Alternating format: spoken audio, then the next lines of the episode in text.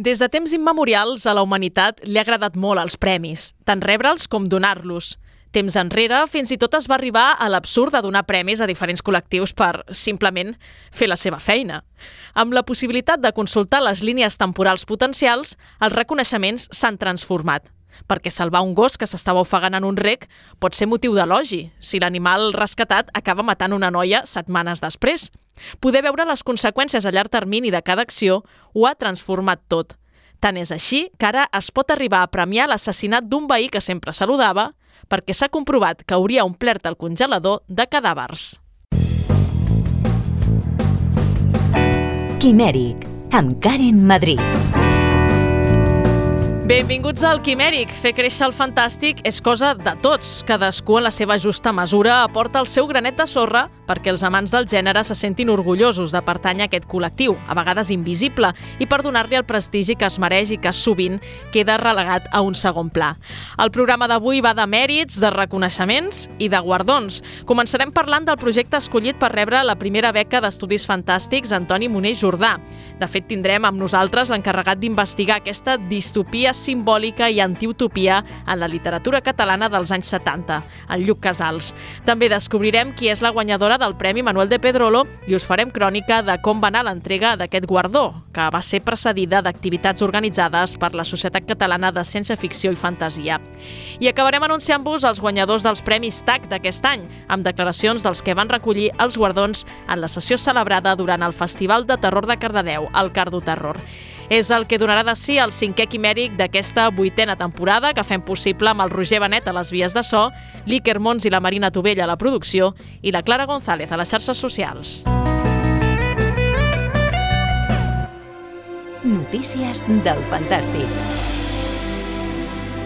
La beca d'Estudis Fantàstics Antoni Moner Jordà ja té beneficiari. Entre els 10 participants en aquesta primera edició del certamen s'ha escollit el del jove Lluc Casals per estudiar la distopia simbòlica i l'antiutopia en la novel·la catalana dels anys 70. Casals, graduat en Història i estudiant de Filologia Catalana de la UAB, ha rebut 3.000 euros per tirar endavant la recerca que es publicarà a l'editorial El Cep i la Nansa. Avui, per conèixer una mica més el becat i també el seu estudi, ens acompanya Lluc Casals. Benvingut al Quimèric, Lluc. Hola, bona tarda. Com has rebut aquesta beca? Uh, òbviament amb moltíssima il·lusió, és a dir, estic eufòric, és la notícia que esperava amb més il·lusió aquest any, per tant, contentíssim. En quin moment t'interesses per aquesta beca? No sé si tenies pensat uh, ja aquest estudi i buscaves la manera de tirar-lo endavant o va ser arran de conèixer l'existència de la beca que vas dir, doncs mira, anem a buscar un estudi que, que hi entri a mida? És a dir, és una mica les dues coses.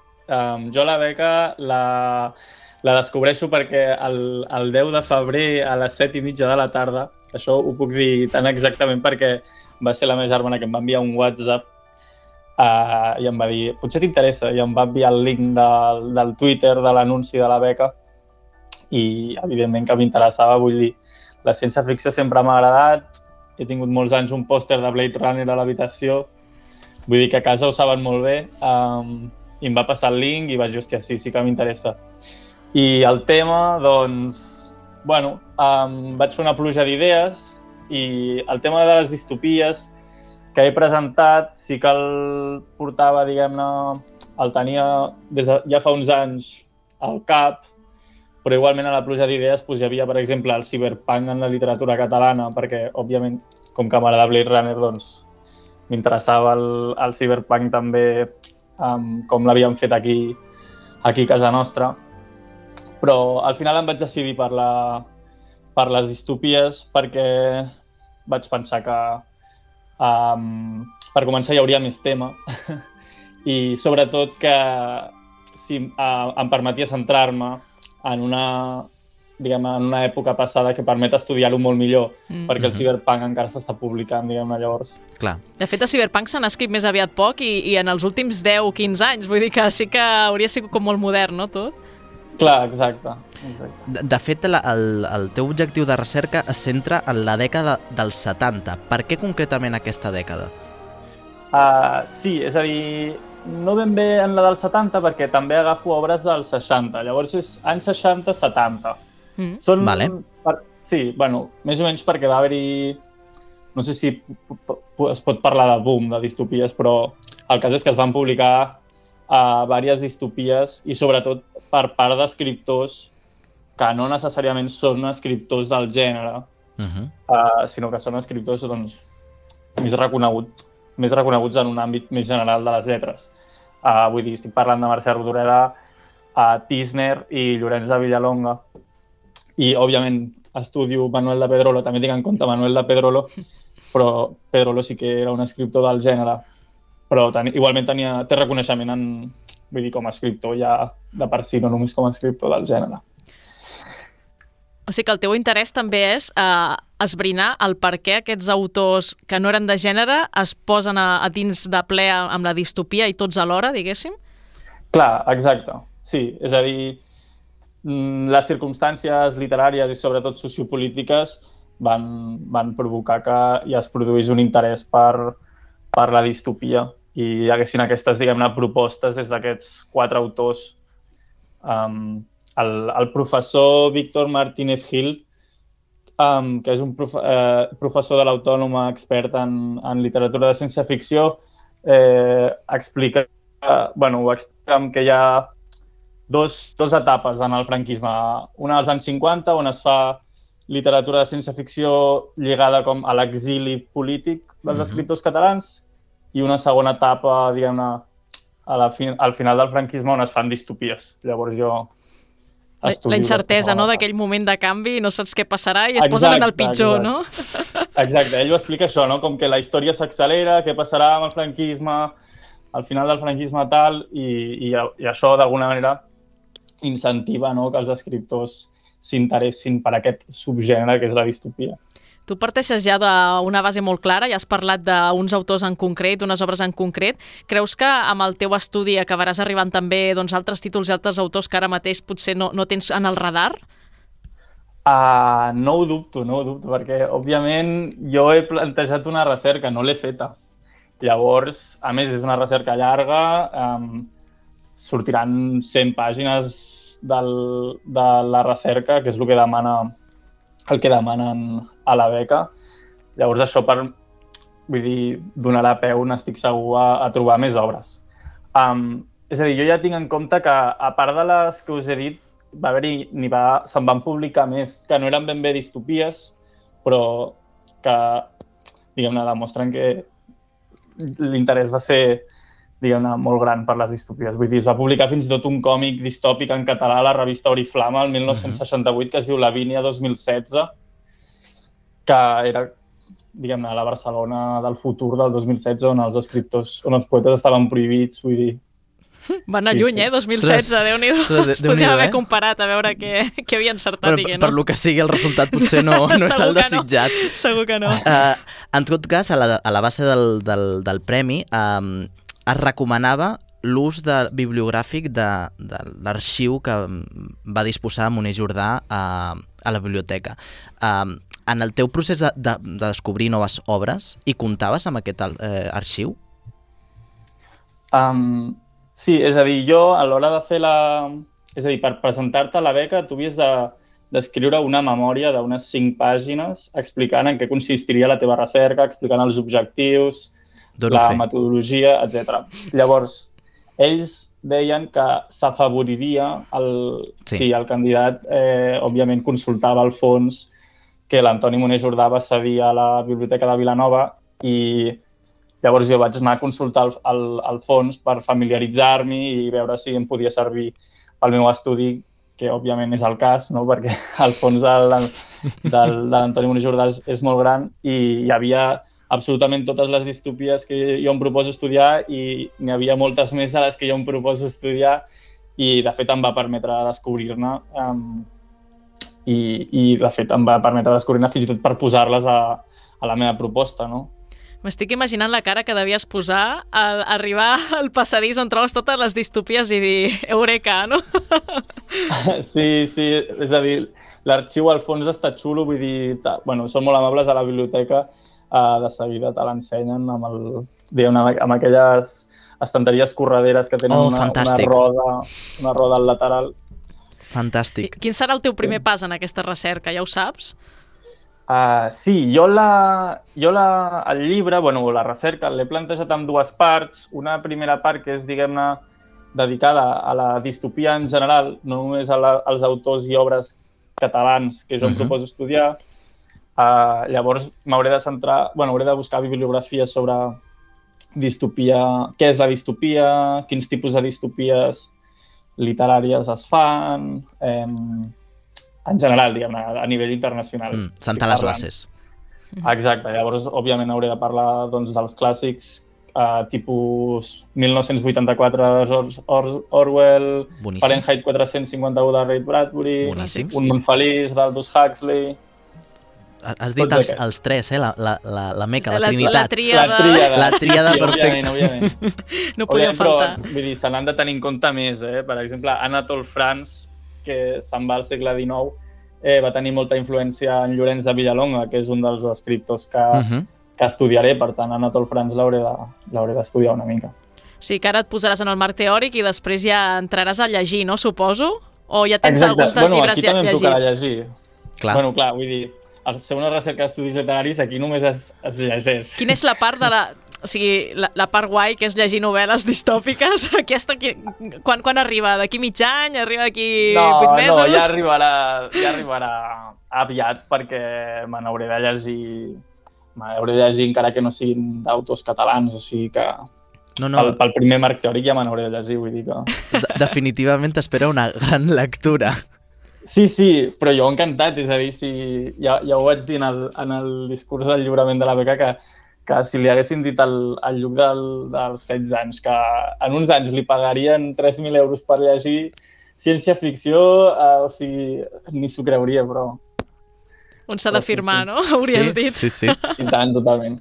Ja, no, sé, no sé si has tingut coneixement, potser off the record, de els, les persones que, amb qui competies, amb aquests 10 projectes que es van presentar, i també si saps eh, una mica doncs, eh, si el teu enfoc, que, que va molt eh, cap a la part més acadèmica i més clàssica, també ha sigut decisiu a l'hora de, de que et triïn el teu projecte.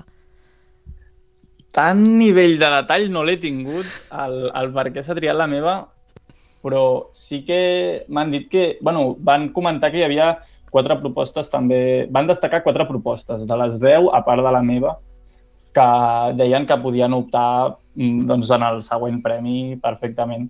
Per curiositat, Sí. quines eren? És que no vaig po- poder assistir-hi. Um, ho hauria de buscar, perquè no, no, no me les sé de memòria. Hem de fer un però- petit apunt Sí. perquè els oients deuen pensar què, què està passant. L'Iker és una de les persones que va presentar projecte a la beca.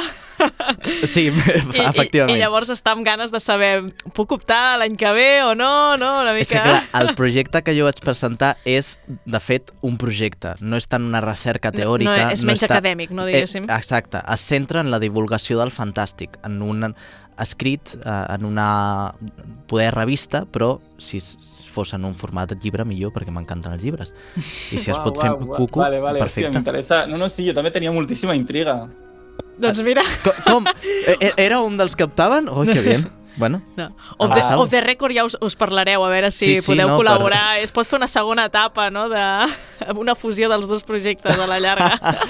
Home, hem de dir, hem de dir eh, pels oients que eh, ha tingut tan bona eh, recepció aquest premi que en comptes de fer-ho eh, de dos anys vista, Mm, ho faran Aquest- cada any, no? aquest febrer ja obren candidatura per la nova convocatòria. Jo crec que això ningú s'ho esperava, eh? I menys eh, veient aquell Lluc, no? que, que, que ets jove, que tens 23 anys i, i t'estàs interessant per temes que potser fins ara eren com molt acadèmics i molt tancats a, a col·lectius potser d'una altra edat, no? No Sí, sé sí, si això sí. també marca un abans i un després, creus? Eh, és a dir, si, si aquest tema és com molt acadèmic per la meva edat, diguem-ne, dius. Vull dir que, que quan van obrir aquesta beca segur que no s'esperaven que algú de 23 anys presentés un projecte d'aquest tipus, Ah. no? Vull dir que... Totalment, jo també ho vaig pensar i de fet em, em, em provocava un cert ver- vertigen, un cert respecte, perquè vaig, jo pensava, ostres, és que amb 23 anys tampoc has fet tantes lectures com tots els membres del jurat, ni de bon tros, saps Això què vull és dir? veritat, sí. Però m'han dit que hi havia un altre, un altre candidat de 23 anys, que també era molt bo. Bueno, espero, Bueno. eh, espero ser jo, perquè, perquè en tinc 22. Ah, vale, ostres, també... també Sí, sí, sí. Ostres, vale, vale, vale. Aquí sortirà jo, jo, coses. jo crec que és important perquè eh, el canvi eh, generacional que suposa el, el fet de- d'aquesta beca, l'oportunitat que dona per certs projectes, perquè al final, al cap i a la fi, eh, es va dirigit a un públic en concret que està fent treballs de recerca, ja sigui Mhm. treball de final de grau, de màster o de doctorat. I al final són edats que no, no superen la cinquantena o la quarantena, saps? Jo el que volia preguntar-li al Lluc també és el tema de la publicació. Ho publicarà una editorial que és generalista, que és el CEP i la Nansa, una editorial de Vilanova, que és una editorial petita, però que s'ha interessat molt en tots aquests projectes.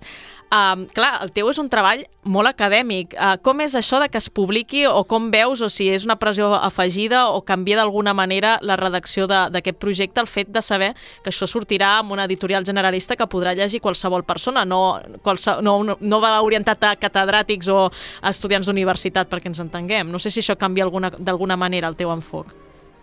Um, L'enfocament no ho sé, perquè realment jo he fet un enfocament bastant acadèmic, com, com heu dit, i l'enfocament no ho sé, però el redactat això està clar que sí, perquè Sí. òbviament si va per, per un llibre, per, a una editorial, a llibreries, diguem-ne, que ha de ser llegit per qui li interessi, um, òbviament no, haurà, no podrà ser un redactat com els que hi ha al, a les revistes acadèmiques, um, el qual també he de dir, jo crec que en part ajuda perquè a vegades el, el, el tipus de text acadèmic també uh, és un punt farragós i en canvi si estàs escrivint diguem-ne en mode assaig Sí. potser et permets un punt de... És, un, és una mica més relaxat. Diguem. Una mica més de llibertat, no, també? Sí, sí. I després d'aquest estudi, què? Seguiràs amb el fantàstic o depèn de, de com acabis d'aquestes lectures? No, no, sens dubte seguiré amb la ciència-ficció, o sigui, això no, no s'acaba aquí ni de bon tros. doncs eh, esperem, Sí. estarem pendents de, de la teva publicació i del que vingui després. Moltes gràcies, Lluc Casals, becat amb aquesta beca Antoni Moner Jordà, i, i molts ànims pel que et ve al damunt. Sí, sí, que hi ha, hi ha feina. Sí, bona lectura. que vagi bé. Moltíssimes gràcies, moltíssimes gràcies. Quimèric. La crònica del fantàstic. I no deixem de reivindicar el gènere perquè passem a parlar de la 58a edició de la TERCAT, les tertúlies impulsades per la Societat Catalana de Ciència Ficció i Fantasia. En aquest cas va tenir lloc el 21 d'octubre a Mataró i va ser, va ser molt plena de contingut. No sé com la definiries tu, Iker. Doncs crec que la definiria amb una paraula, emotiva. Ah, Am sí, sobta, no, però no et preocupis sobta que... perquè dius, amb, aquest, amb aquesta programació jo diria estressant fins i tot, Estressant, però... eh? O motivant. Eh, és veritat que vam tenir molt, molt de contingut, però clar, la TERCAT d'enguany va ser l'excusa perfecta per l'entrega del, del Premi Manuel de Pedro de Narrativa. I clar, dic que va ser mm, emotiva precisament perquè eh, aquesta entrega, per l'homenatge a Miquel Barceló i per una de les xerrades que a mi em- personalment em va agradar molt, que és de l- el, bueno, la locomoció dels trens fantàstics. Home, he de dir que el Jordi Fonagustí és l'expert sí. català Sí, sí, sí. en l'àmbit dels trens i, i, i un gran friqui. Per tant, quan juntes les dues aficions surten xerrades com aquesta que, que ningú més te les podria fer. Totalment. Vull dir, això ja ho sabem segur. i molt, molt interessant. Però, mm, si em permets, comencem pel guardó. Sí, anem a So- pams. Sònia Guillén és la guanyadora de la 19, del 19è Premi Narrativa Manuel de Pedrolo. Ho aconsegueix amb l'obra La geometria dels batecs, una trama que situa diferents forats a, la ciutat, eh, a les ciutats, com Barcelona, amb la particularitat de que cap energia funciona al seu voltant i presenta un problema per descobrir l'ori- l'origen d'aquests fenòmens. Ara m'està recordant a lo de les illes d'Arxipèlag, Sí, eh? ho vaig pensar també. Oi? Sí, sí, A sí. veure com ho planteja quan el llegim. Doncs mira, la terrassenca, de fet, va agrair Un moment, el un guardó. moment, un moment. Que ha guanyat una terrassenca? Què fem parlant d'aquí? és broma, és broma. No, Cap veure, problema, no som racistes No passa aquí. res, no passa res. La resenca, uh, uh, si ho diem La així una mica... terrassenca. La, la, resenca, La Vallesana, em diuen la per aquí. Això, la Vallesana ah, agraeix el guardó remetent a la seva infantesa. Recorda que cal retrobar-nos amb qui érem de petits.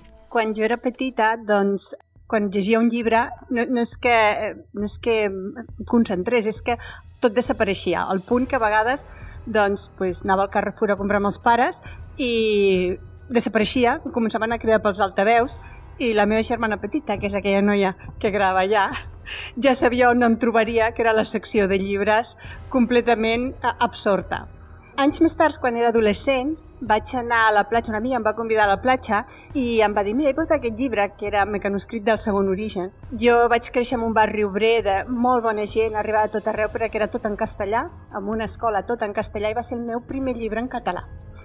Aquell dia jo em vaig posar a sota el parasol i no em vaig banyar, no vaig parlar amb la meva amiga, no vaig fer res més que llegir. L'amiga, òbviament, no em va convidar mai més, però a mi em vaig eh, enamorar de la ciència-ficció. Llavors tinc el meu germà, que és aquell home atractiu d'allà, que em va passar a Simov, Fundació, Jo Robot, i ja va ser un, un no parar. Ara, quan et fas gran, perds aquesta capacitat d'aïllar-te, de, de, de, tan, tan absorbida potser per la vida, no? per, per les obligacions, per moltes coses. I a l'arribar als 50 em vaig adonar que havia passat, havia somiat moltes coses, moltes, que mai havia fet, i havia fet moltes coses, havia dedicat molt temps de la meva vida a coses que mai havia somiat. I vaig decidir plegar de la feina i provar d'escriure. Llavors, aquest premi és un reconeixement a aquella noia que es partia els llibres i també a la dona que tracta de retrobar-la perquè quan escric, doncs, tot desapareix, m'endinso en aquella història i torno a ser aquella nena que llegia. Així que moltes gràcies a Mataró, al jurat, a tothom que ha fet possible això i sobretot doncs, també a gent com el teu pare que, que ens fa descobrir nous mons. Moltes gràcies. Serà terrassenca, però és valenta, eh? Perquè deixar de treballar per dedicar-te a escriure... Sí, Molts d'aquí ens agradaria fer-ho i no ho podem fer o no ens atrevim a fer-ho, no? Vull dir més, que, més, xapo! més lo segon que no pas lo primer. Home, que hi ha un lloguer per pagar, Bueno, no? això Vull són dir, detalls, Detalls això per són no detalls. acabar dormint al carrer, però, eh, cap problema. Si us, si us heu fixat, i, uh, hi ha un moment en el discurs, al final, que Que remet pare, a no? una persona, el Mm. teu pare. Aquí, doncs, uh, Guillem dedicava el seu premi a Adelais de Pedrolo i Fabregat, la filla de l'escriptor qui va estar present en l'acte. Ella també va prendre la paraula i va agrair l'existència del premi, ja que així uh, perpetua la ciència-ficció catalana en nom del seu pare. Doncs també donar les gràcies doncs, a- al jurat per haver-hi col·laborat i a tots els col·laboradors perquè a través de vosaltres doncs, l'obra i la memòria del meu pare doncs, segueix, segueix vigent. Moltes gràcies a tots. Antoni Moner Jordà i el professor Jordi José i Manuel Moreno van destacar la vida i obra d'un referent de la ciència-ficció en català, d'un divulgador, d'un encantat del gènere, però sobretot d'un amic, en Miquel Barceló. El pròxim 23 de novembre farà dos anys que ens va deixar a un dels grans i per aquest motiu calia fer aquest homenatge a casa seva, a Mataró. Un 30 de novembre de l'any 1948, en Mataró va néixer Miquel Barceló, un enamorat de la ciència-ficció de ben jove, enginyer de professió, editor i eh, traductor i escriptor per plaer. Barceló va destacar per la seva aportació a la ciència-ficció en català. La seva carrera va, va estar lligada a l'Edicions B, on va dirigir la col·lecció nova especialitzada en relats i novel·les de ciència-ficció. Entre 1984 i 1990 va ser assessor d'aquesta col·lecció que esdevindria la primera en català. Jo vaig tenir el plaer de conèixer el Miquel, eh, de fet, en paper abans que en persona, d'acord? Recordo que fa molts, molts anys eh, uns amics em van regalar un llibre d'una nova col·lecció que hi havia llavors, que era Nova Ciència-Ficció, la col·lecció que, el, eh, que editava, diguem-ho que en certa manera eh, doncs impulsava el propi Miquel i que feia aquells magnífiques, aquelles magnífiques introduccions o pròlegs a cada novel·la. No? Eh, em vaig aficionar amb aquella col·lecció sense saber, diguem, qui era el Miquel Barceló, només vaig veure un, un nom i cognom que sa- sonaven a català, cosa que ja va ser, diguem, ciència-ficció, en certa manera, perquè sempre atribueixes la ciència-ficció a, gent, a, a, a noms com Asimov, Clark i tal, i el Miquel Barceló, dius, ostres, això sona com més proper, no? Uh, I després, per bueno, avatars de la vida i tal, vaig descobrir que no només aquesta persona era catalana, sinó que treballava a la mateixa universitat que jo, o jo en la d'ell, si voleu, i eh, que a més vivíem a la mateixa localitat, a Sant Cugat, tots dos. Eh? És a dir, que el món a vegades resulta ser més petit del que ens pensem. Des de la seva faceta de catedràtic va ajudar a impulsar innumerables projectes. L'any 1991 va presidir fundar el Premi UPC de Ciència-Ficció, un premi que va motivar la creació de noves dates, una en particular, eh, la primera trobada de ciència-ficció i fantasia a Vilanova el 19 i 20 de setembre de l'any 1997. La seva intervenció va ser de públic, però també va actuar de fundador, ja que en aquell mateix any es va votar la necessitat de crear la Societat Catalana de Ciència-Ficció i Fantasia. Nosaltres tenim una, una assignatura amb el Jordi, eh, pionera a l'estat espanyol, ho podem dir, que es deia Física i Ciència Ficció. La el Miquel ens va ajudar moltíssim a que la tiréssim endavant. Era una assignatura on utilitzàvem la ciència ficció per parlar de ciència. I teníem sempre superàvit d'estudiants. Hi havia més estudiants que volien fer l'assignatura que, eh, que places disponibles. I llavors, quan eh, des, un any, un estudiant em va demanar personalment si li podia dirigir el seu treball final de grau. I em va dir que volia fer alguna així de com es mouen les, les naus quan van a la velocitat de la llum. Cosa que les pel·lícules ho heu vist de moltes, de moltes maneres i cap d'elles em sembla que és correcta, però aquest estudiant volia fer una anàlisi d'aquest aspecte. I jo vaig dir, bueno, jo dirigeixo i a veure com surt. Qui estava al tribunal que havia de jutjar aquest treball?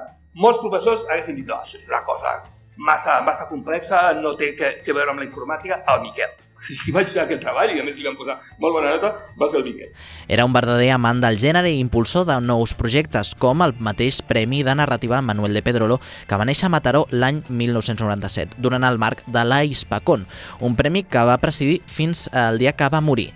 L'any 2000 va publicar Testimoni de Neró amb Pedro Jorge Romero i a l'editorial Pagès Editors. Sis anys després impulsaria un manual de ciència-ficció a la UPC amb especial preocupació pel gènere a casa nostra. Però en Miquel Barceló també era un, enamorat, un enamorador del fantàstic. Era un orador apassionat que deixava a qualsevol boca badat.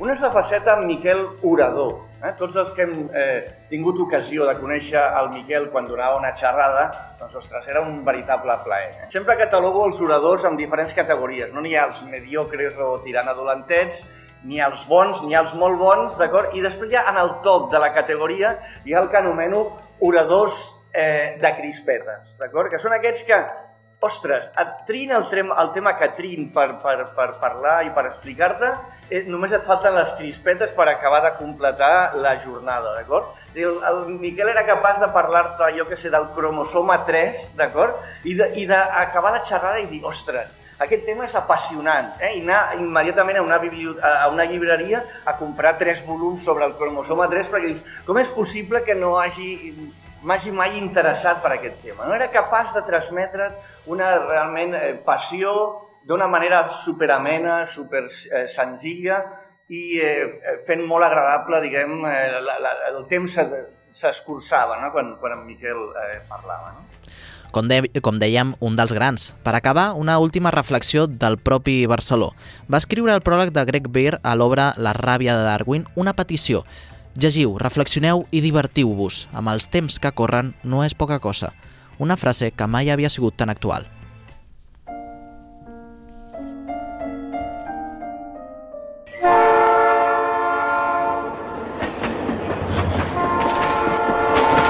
Això és un tren, no? Això és un tren, sí, sí. Sobte, veritat? Però ja estem... Ja, ja estava estem... esperant a que vingués la secció dels trens que m'has promès a l'inici oh, de, de la secció. I, eh? I quins trens, Karen, i quins trens. Trens fantàstics. Doncs saltem d'aquest homenatge a en Miquel Barceló a un altre, perquè en la seva manera particular, eh, Jordi Font i Agustí va decidir fer eh, un homenatge a la cultura ferroviària de la pròpia ciutat de Mataró, mm. que té molta cultura Home, va ser la primera ciutat on va arribar el tren a Espanya. Efectivament i amb l'excusa d'aquest atercat vam parlar dels trens de ciència i ficció. Important matís, ja que mm, escoltarem que molts d'aquests trens eren més ciència que no pas ficció. Eren més reals que no pas fantasiosos. Mm -hmm et farà gràcia en alguns dels casos. Uh, un vist, en particular... He vist el nom dels talls i hi ha un que m'ha cridat l'atenció. Un, un del particular que t'agradarà. Uh, però primer cal mirar el passat. Al principi, uh, al, al principi dels trens, l'any 1848, amb la Unió de Barcelona i Mataró. Com dèiem, uh, com, com veien els trens en aquella època? Doncs com a monstres de metall. El que sí que és veritat és que les primeres representacions del ferrocarril són sempre com a monstres fantàstics. Ho demostro. Era costum celebrar certàmens literaris en els que es convidava a tots els poetes de Catalunya a participar. I participaven sempre totes les primeres plomes. Per exemple, el Damas Calvet, un poema seu, diu «Creia l'hom fa temps que havia dels monstres passat l'era, quan una nova quimera, Stephenson, creà un dia. Foc en ses venes tenia, membres de ferro i tan mansa que en lloc de fugir s'atansa, que el ser més feble l'adorna i missatgera Coloma és dels pobles l'esperança. Passa els mons com una fura, salta correcs com l'isar, com gavina arran del mar, com au cap riu la datura, complement de s'armadura és son voleiant capell d'aigua i fum, monstre novell a la carrera, a la prova, avui fins a Vilanova, demà fins a Vendrell. O aquest altre del, de l'Agnès Armengol, que és de l'any 34, és a dir, estem molt avançats ja, amb, ja gairebé 100 anys de ferrocarril, però encara la poetessa Agnès Armengol diu trac, trac, trac, trac, planura enllà, com un serpent monstruós s'endinsa, trac, trac, trac, trac, reple de fum, ja el diable al clos treu foc i xiscla. Aquesta representació del, del tren com, com a monstre. I és molt interessant perquè, eh, de fet, i ho menciona, eh, aquesta interpretació del, del monstre de metall eh, fa molta al·lusió, ja ho hem escoltat en el, en el, en el poema, a conceptes mitològics. Mm -hmm. I, en, I després de 100 anys, després de 200 anys, veurem que aquestes referències canvien i agafen un altre, tre un altre terç. Però perquè et fixis en la figura de, del tren, que va servir d'inspiració per alimentar eh, dites populars, però també rumors, com la de els guardanits.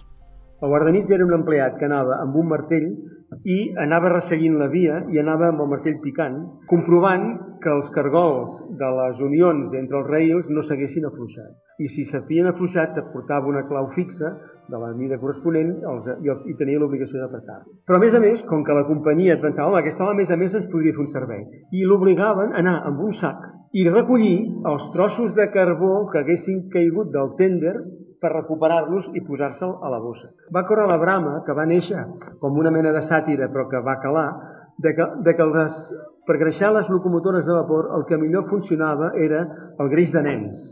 I aleshores, entre la figura del guardavies nocturn, o guardanits, que anava amb un sac, i, doncs clar, què fa amb aquest sac? Pues, robar nens i carregar-los en, en el sac perquè després en facin greix per, per greixar les locomotores. I aquesta és la conclusió que he arribat veient les diferents fonts sobre, sobre aquesta qüestió. M'ha encantat això, però jo he d'afegir una, una dada important. Jo sóc del Maresme Vale. i puc donar fe que quan ha dit que li havien donat un sac per anar recollint, pensava que es referia a recollir eh, els trossos de la gent que es tira la via, perquè això, almenys ara, al Maresme, això passa cada dia unes quantes vegades a diferents altures de la, de la, de la línia. O sigui que això encara és realitat. Sí. Si t'ha fet cosa lo dels nens, eh, fes-te un passeig per la línia de, espera de costa. que millora. Uh, doncs bé, mm, continuem A amb... veure com millora. No, no, no, et preocupis, no et preocupis que millora. Amb el temps aquests trens s'evolucionen i alguns enginyers es van arriscar per fer uh, coses esbojarrades, com el tren monorail. Aquest és un altre. Aquest seria un tren monorail, en realitat no és monorail perquè té un sol, com una bicicleta, eh? té un joc de rodes a, a baix, que és el que veieu, i després a dalt hi ha un, un rail que el sustenta i així es pensaven que agafarien menys espai. Bueno, això va funcionar. Tenia una capacitat per 108 persones, però que viatjaven dretes, perquè esclar, era molt estretet. Arribava a la velocitat de 160 km per hora. Va arribar a estar en proves, però el que passava és que ja us podeu imaginar, això tenia un, un, una oscil·lació d'aquesta mena que això acabava desmuntant totes les estructures i no va poder funcionar. Trens inútils, però també trens terrorífics, com la idea exagerada i elitista dels nazis.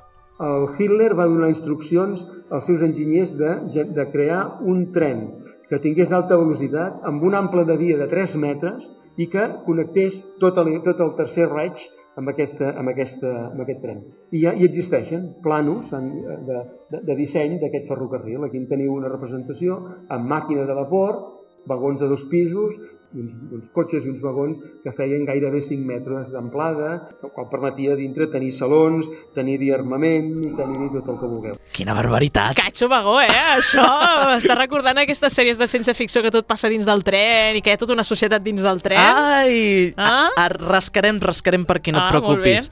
Però abans parlem de uns altres trens que van ser molt interessants. La prova vivent de... Un moment, un moment, Iker. És que m'estàs prometent moltes coses i em vas canviant de tema. A veure, eh, Què, el, què, que, el que es què? promet s'ha de fer, eh? No, i aquí, Val, val. I aquí, i aquí arriben. Val. Doncs, eh, durant els trens que durant la Guerra Freda es van fer, perquè també es van mesurar les banyes.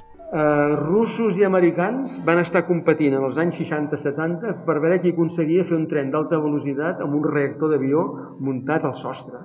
Bueno, ja us podeu imaginar, el Jordi riu ja, ja us podeu imaginar les vibracions que això podia provocar i com fàcilment el tren podia sortir de la via per poc per poc que fallés l'aerodinàmica d'algun de, dels vagons. Però aquests models, això són fotografies reals, s'han construït eh, i, eh, i, es conserven, eh? hi, ha hagut, hi ha hagut que els ha conservat. M'encanta els riures de fons, eh? Sí, sí, sí, la prova vivent de que hi havia públic. Exacte. No, però el que més m'agrada és que existeixi una prova de, de, de, de veritat de que, que aquests fotos, trens no? haguessin existit. Fascinant. Eren trens amb bobines gegantines al sostre. és com molt ridícul, no?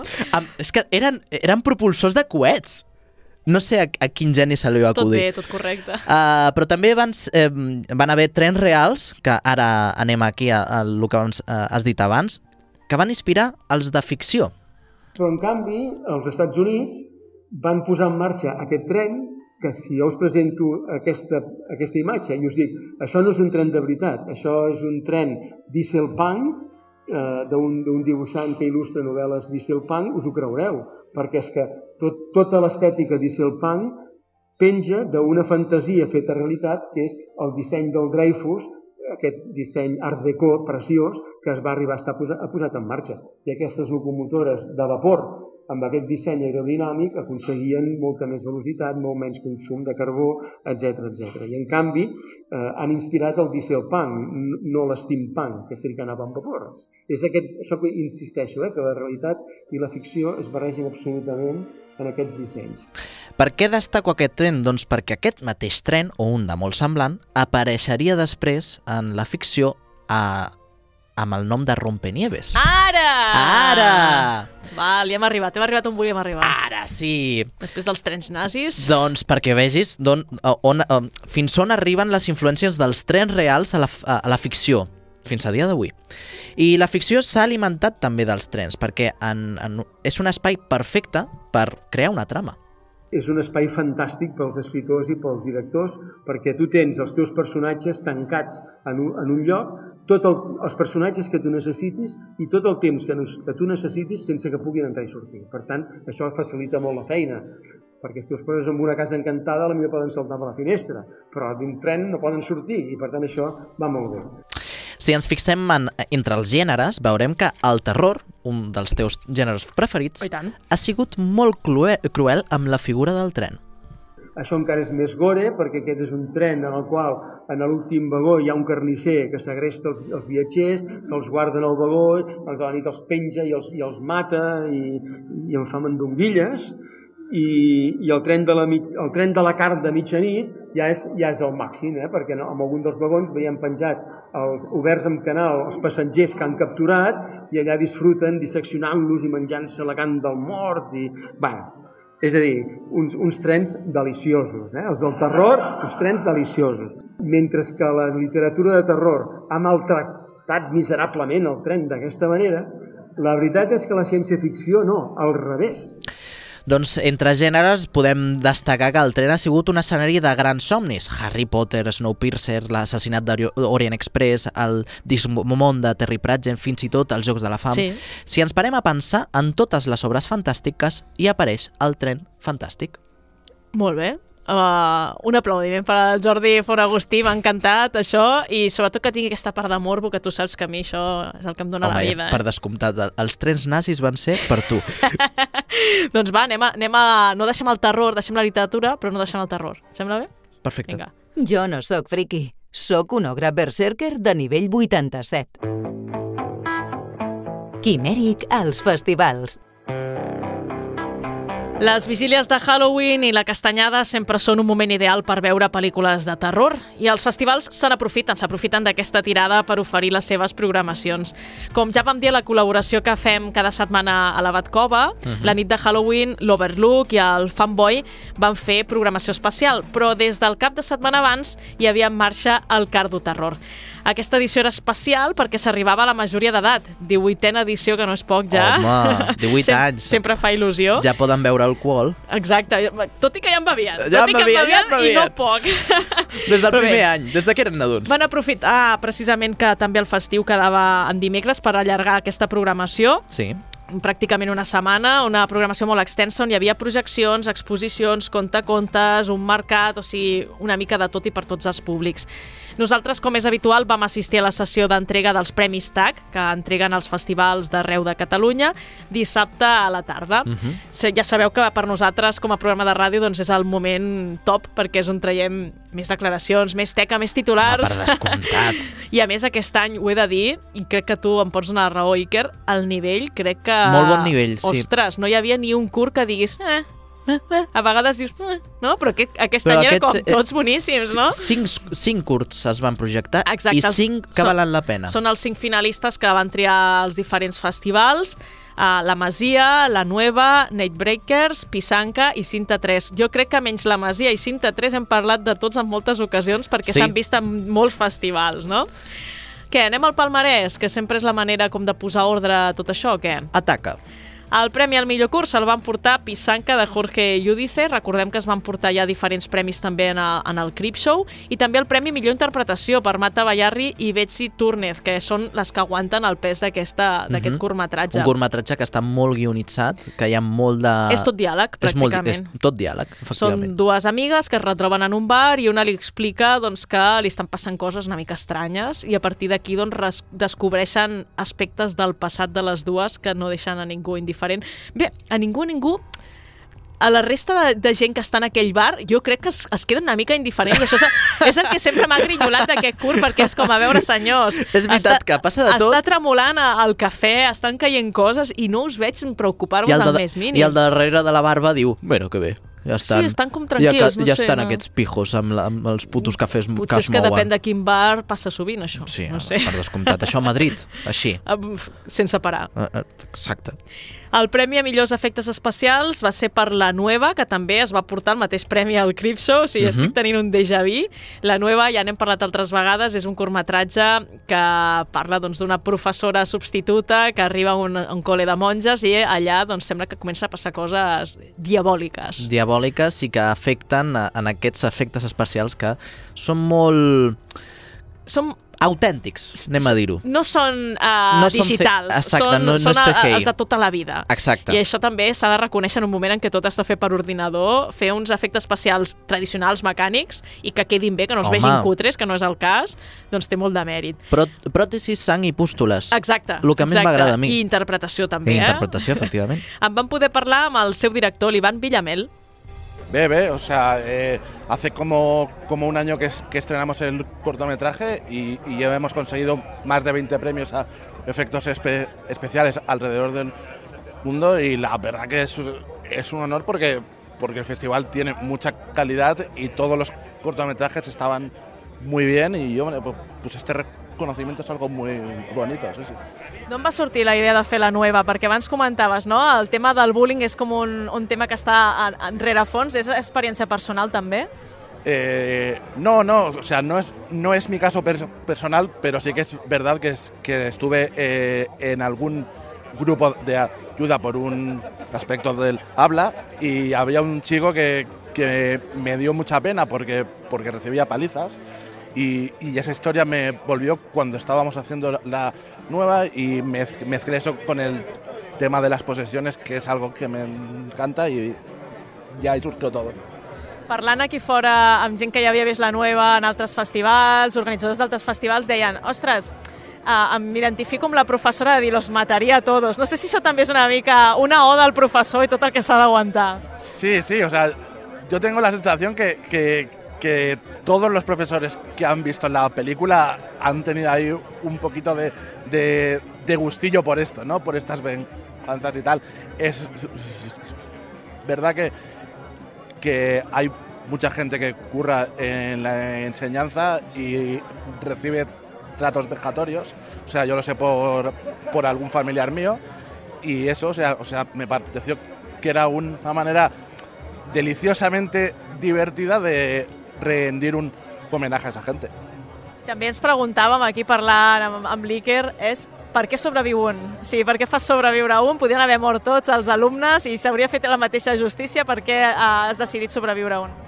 No, es, o sea, bueno, es un, es un giro final que, que se entiende que, que, que el ser que, que la posee ve que, que la otra persona, bajo esa a- a- apariencia, por todo el daño que le han hecho, es un recipiente ideal para, para albergar el mal y salir de ahí para expandirlo. Sí, és un. Eh, t'han t'han vuelto malo, no? Sí, eso es, eso es. O sea, que, que- que todo el bullying que sufren personas puede provocar que, que eso o- ocurra como ocurre cada año en las escuelas de, de Estados Unidos con los tiroteos, que hay chavales que reaccionan de la peor manera. En este caso cambiamos las armas por un demonio. Les conseqüències del bullying. Eh, sí, eh, jo crec que és un tema que s'hauria de tractar més. Sí. I també em sembla bé que es utilitzin el terror per tractar aquestes temàtiques, la veritat. I són diabòliques. Totalment. Per tant, Anem a la menció especial del jurat, perquè no és habitual que es facin mencions, però en aquest cas, com dèiem, el nivell era tan alt que, ostres, no pots deixar curs sense premiar. no. I la menció va ser per Sintra 3. Ai, A mi, emotiu. la veritat és que se'm va entendrir molt el cor amb aquest, amb aquest No l'havies vist, No l'havia vist, no l'havia vist. Em va semblar supertendre.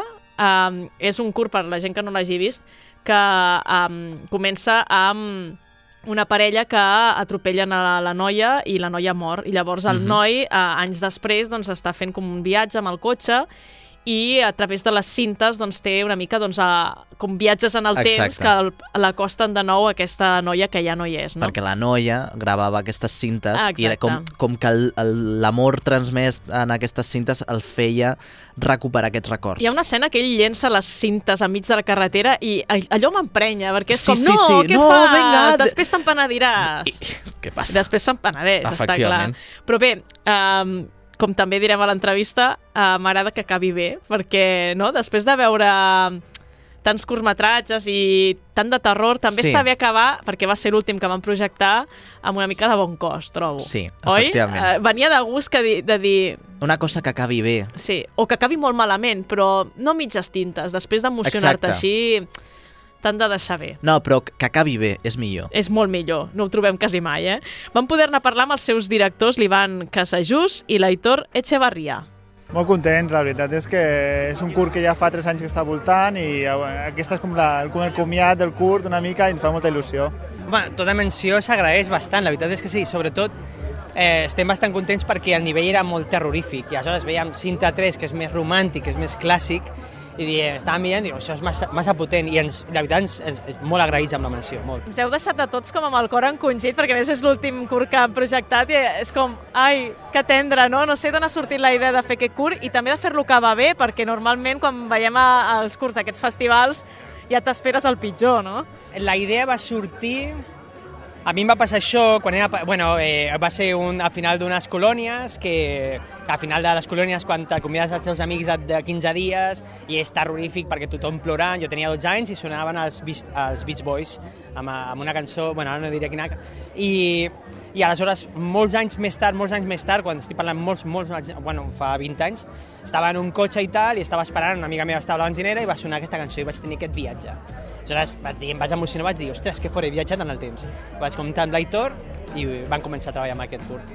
I, respecte de per què acaba bé, eh, hi havia diferents versions del guió en què eren, hi havia finals bastant heavies, bastant durs, però creiem que és molt important donar una recompensa a l'espectador. I el personatge, l'Òscar, ho passa molt malament. Aleshores, tenim clar que si el trajecte del protagonista és molt negatiu i no li donem un final feliç que sigui creïble, a l'espectador no surt agraït, no tindríem la sensació que heu tingut ara. I aleshores, per exemple, nosaltres ens, ens, ens, ens continuem emocionant una mica amb aquest curt, per l'experiència que va ser, per la interpretació dels actors, per tot l'equip. I la veritat és que bueno, és el tipus de pel·lícula que hem vist tota la vida i ens, ens encanta. Per tu també va ser la mateixa experiència, tot i que la vivència no fos directa? Sí, a mi els viatges amb el temps m'agrada molt, és un tema que, que bueno, no sé per què, però sempre m'ha agradat. Llavors, quan li van plantejar aquesta història, de, de, de seguida em va agradar molt. També destacava el, el jurat el mèrit de fer-ho sense pràcticament diàleg, no? Vull dir, pràcticament no, no sents parlar, no? Els personatges eh, en moments molt puntuals, però no, no vindria a ser el més destacat de, de la història. Eh, això és més difícil o al contrari? Quan dius vull deixar-ho clar amb la música, amb les imatges, el diàleg potser no, no és necessari. Bueno, depèn, depèn de la història. En aquest cas sí que ens agradava fer-ho sense paraules, sense, gaire, sense gaires paraules. I llavors vol dir que t'has de pensar molt bé com dones la informació, perquè no la pots dir dita, no? Llavors, pues, bueno, a través d'imatges, a través de, de com planteges el muntatge, pues, pots aconseguir explicar coses. Bueno, jo sempre he cregut que si una història es pot explicar sense diàleg i funciona, és que està bé.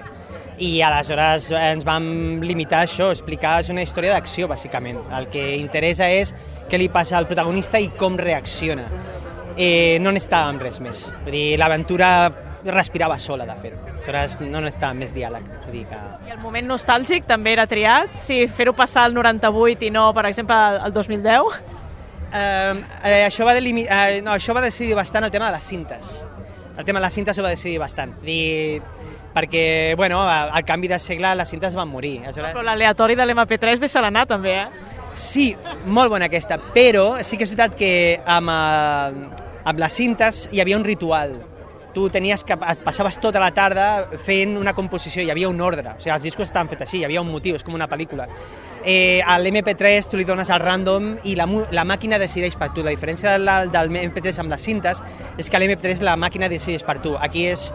Clar, aquí el que estem explicant és que és ella la que organitza els viatges i aleshores era tot més humà, la, la cinta és molt més humà, volíem fer una història sobretot molt, molt humana i basant-nos en pel·lícules que ens agraden molt de ciència-ficció. La cinta, no? No, és, no et sembla a tu que és més, més bonica la cinta que no l'MP3? Home, sí, té aquell element, no? Però també s'espatllava més, no? Sí, bueno, però ja va bé, ja va bé que s'espatlli per poder nosaltres fer el gir de, que hi ha al curt, no? Jo he de dir que encara tinc una caixa de cintes, tot i que no tinc reproductor de cintes. Vull dir que suposo que això queda com a element simbòlic, no, al final. Bueno, és que el suport físic no, té algun romàntic que, que el digital no té. I voleu fer una pel·lícula romàntica, en el fons, no? Sí. Sempre, sempre.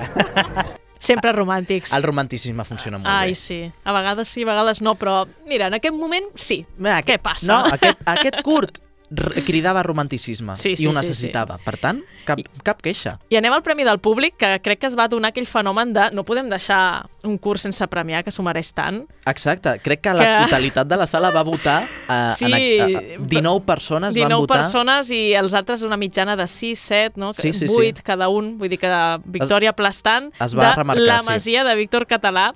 Jo no l'havia vist encara, em va semblar molt catxondo, em va agradar molt um, tant la nena, no? El, el, el, la És- veu en off de la nena que és tan... És super bandarra. amb aquell accent gironí, amb, Sí, amb, sí, aquell, sí, amb sí. aquella, aquelles paraulotes, aquell desparpajo, la senyora xunga, Que mal l'abuela... rotllo No sé, els elements catalani, ca- catalanets enmig de la història. No sé, a mi, a mi em va encantar. Em va semblar una paròdia molt xula, amb un gir final molt guai, tot i que alguns ja se'l veien a venir, com Sí, tu.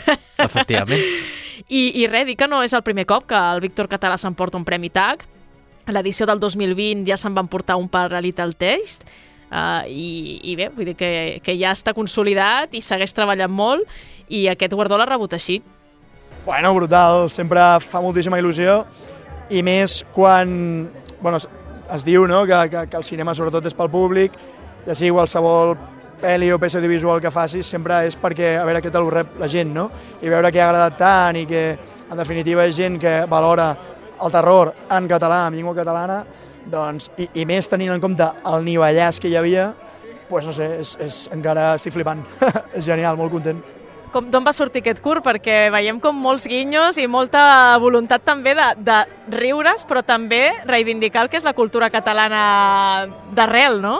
Sí, doncs la, la idea original era, era el guió, en definitiva era la trama d'això, la nena que va veure els seus avis, que veu que algú xungo està passant allà, la sopa de lletres, però a mesura, un cop ja teníem el guió escrit, que el primer era en castellà, amb el guionista vam parlar i vam dir, no, tio, catalanitzem-ho a tope, tio, fem alguna diferent, perquè no sé, per, per veure una mica diferent dins del panorama català, no? perquè encara falta molt per veure terror català o humor negre català dins del cinema i, i van voler treure molt de suc a, a, a totes les conyes, tots els guinyos, tots els, no sé, que surti una sardana, que surti el, la moraneta, que surti guinyos por ahí, i, però conduir-ho dins del món del thriller i del, ter i del terror i bueno, més o menys va quedar curiós. Ens destaca molt la- l'actriu, la, la, nena, no? D'on l'heu treta? Perquè déu nhi no?, el paperàs que té. Doncs mira, sí que vull parlar molt dels actors perquè són una meravella, són uns cracs. Uh, la nena és la Paula Moreta, és genial, vaig, me la vaig trobar rodant una publicitat, jo a vegades també de, dirigeixo Publi, i vaig fer un anunci de Wakeys, i, i la vaig fitxar en plan, Buah, és, aquesta nena és espectacular. Llavors, rodant amb ella, vaig dir, he de rodar la Masia amb aquesta nena, m'encanta. I després, la Montplans és una de les Tresines, és una actriu mítica catalana que també vaig coincidir amb ella li vaig demanar, per favor, vull que siguis la meva iaia xunga de, de la Masia i també es va apuntar a tope li va encantar. I l'Enric Arquimbau també és un gran actor, ha fet molt de teatre, moltes pel·lis i bueno, no sé, són una meravella, he tingut molta sort perquè són increïbles, ho fan molt bé. S'ha vist el teu cura molts festivals i tothom deia el mateix, són unes crítiques boníssimes. No sé si això també portarà a altres projectes. No és el primer premi tampoc que t'emportes aquí del Premi TAC, que ja fa 3 anys que te'n vas emportar un altre. No sé si això també va fent currículum i tens projectes més importants, més grans ara mateix entre mans. Sí, bueno, fer curt sempre ajuda a fer callo i, i, a, i a, a, a, a tenir més projectes per ensenyar i cada curt que fas una mica també hi ha part d'idea d'algú més llarg a desenvolupar. No? A mi m'encantaria desenvolupar la Masia amb llargmetratge. Estamos en ello, o sigui, tant el guionista com jo anem, anem bastant enfeinats, però sí que tenim claríssim que, que hem de dedicar un temps a portar-ho a un guió a llarg, potser no és exactament la història, però que pugui tenir moltes similituds i poder fer alguna de terror català. I paral·lelament, eh, sí, també estem desenvolupant un parell de, de llargmetratges més, que bueno, ara vindrà la part difícil que és finançament, però bueno, tot arribarà.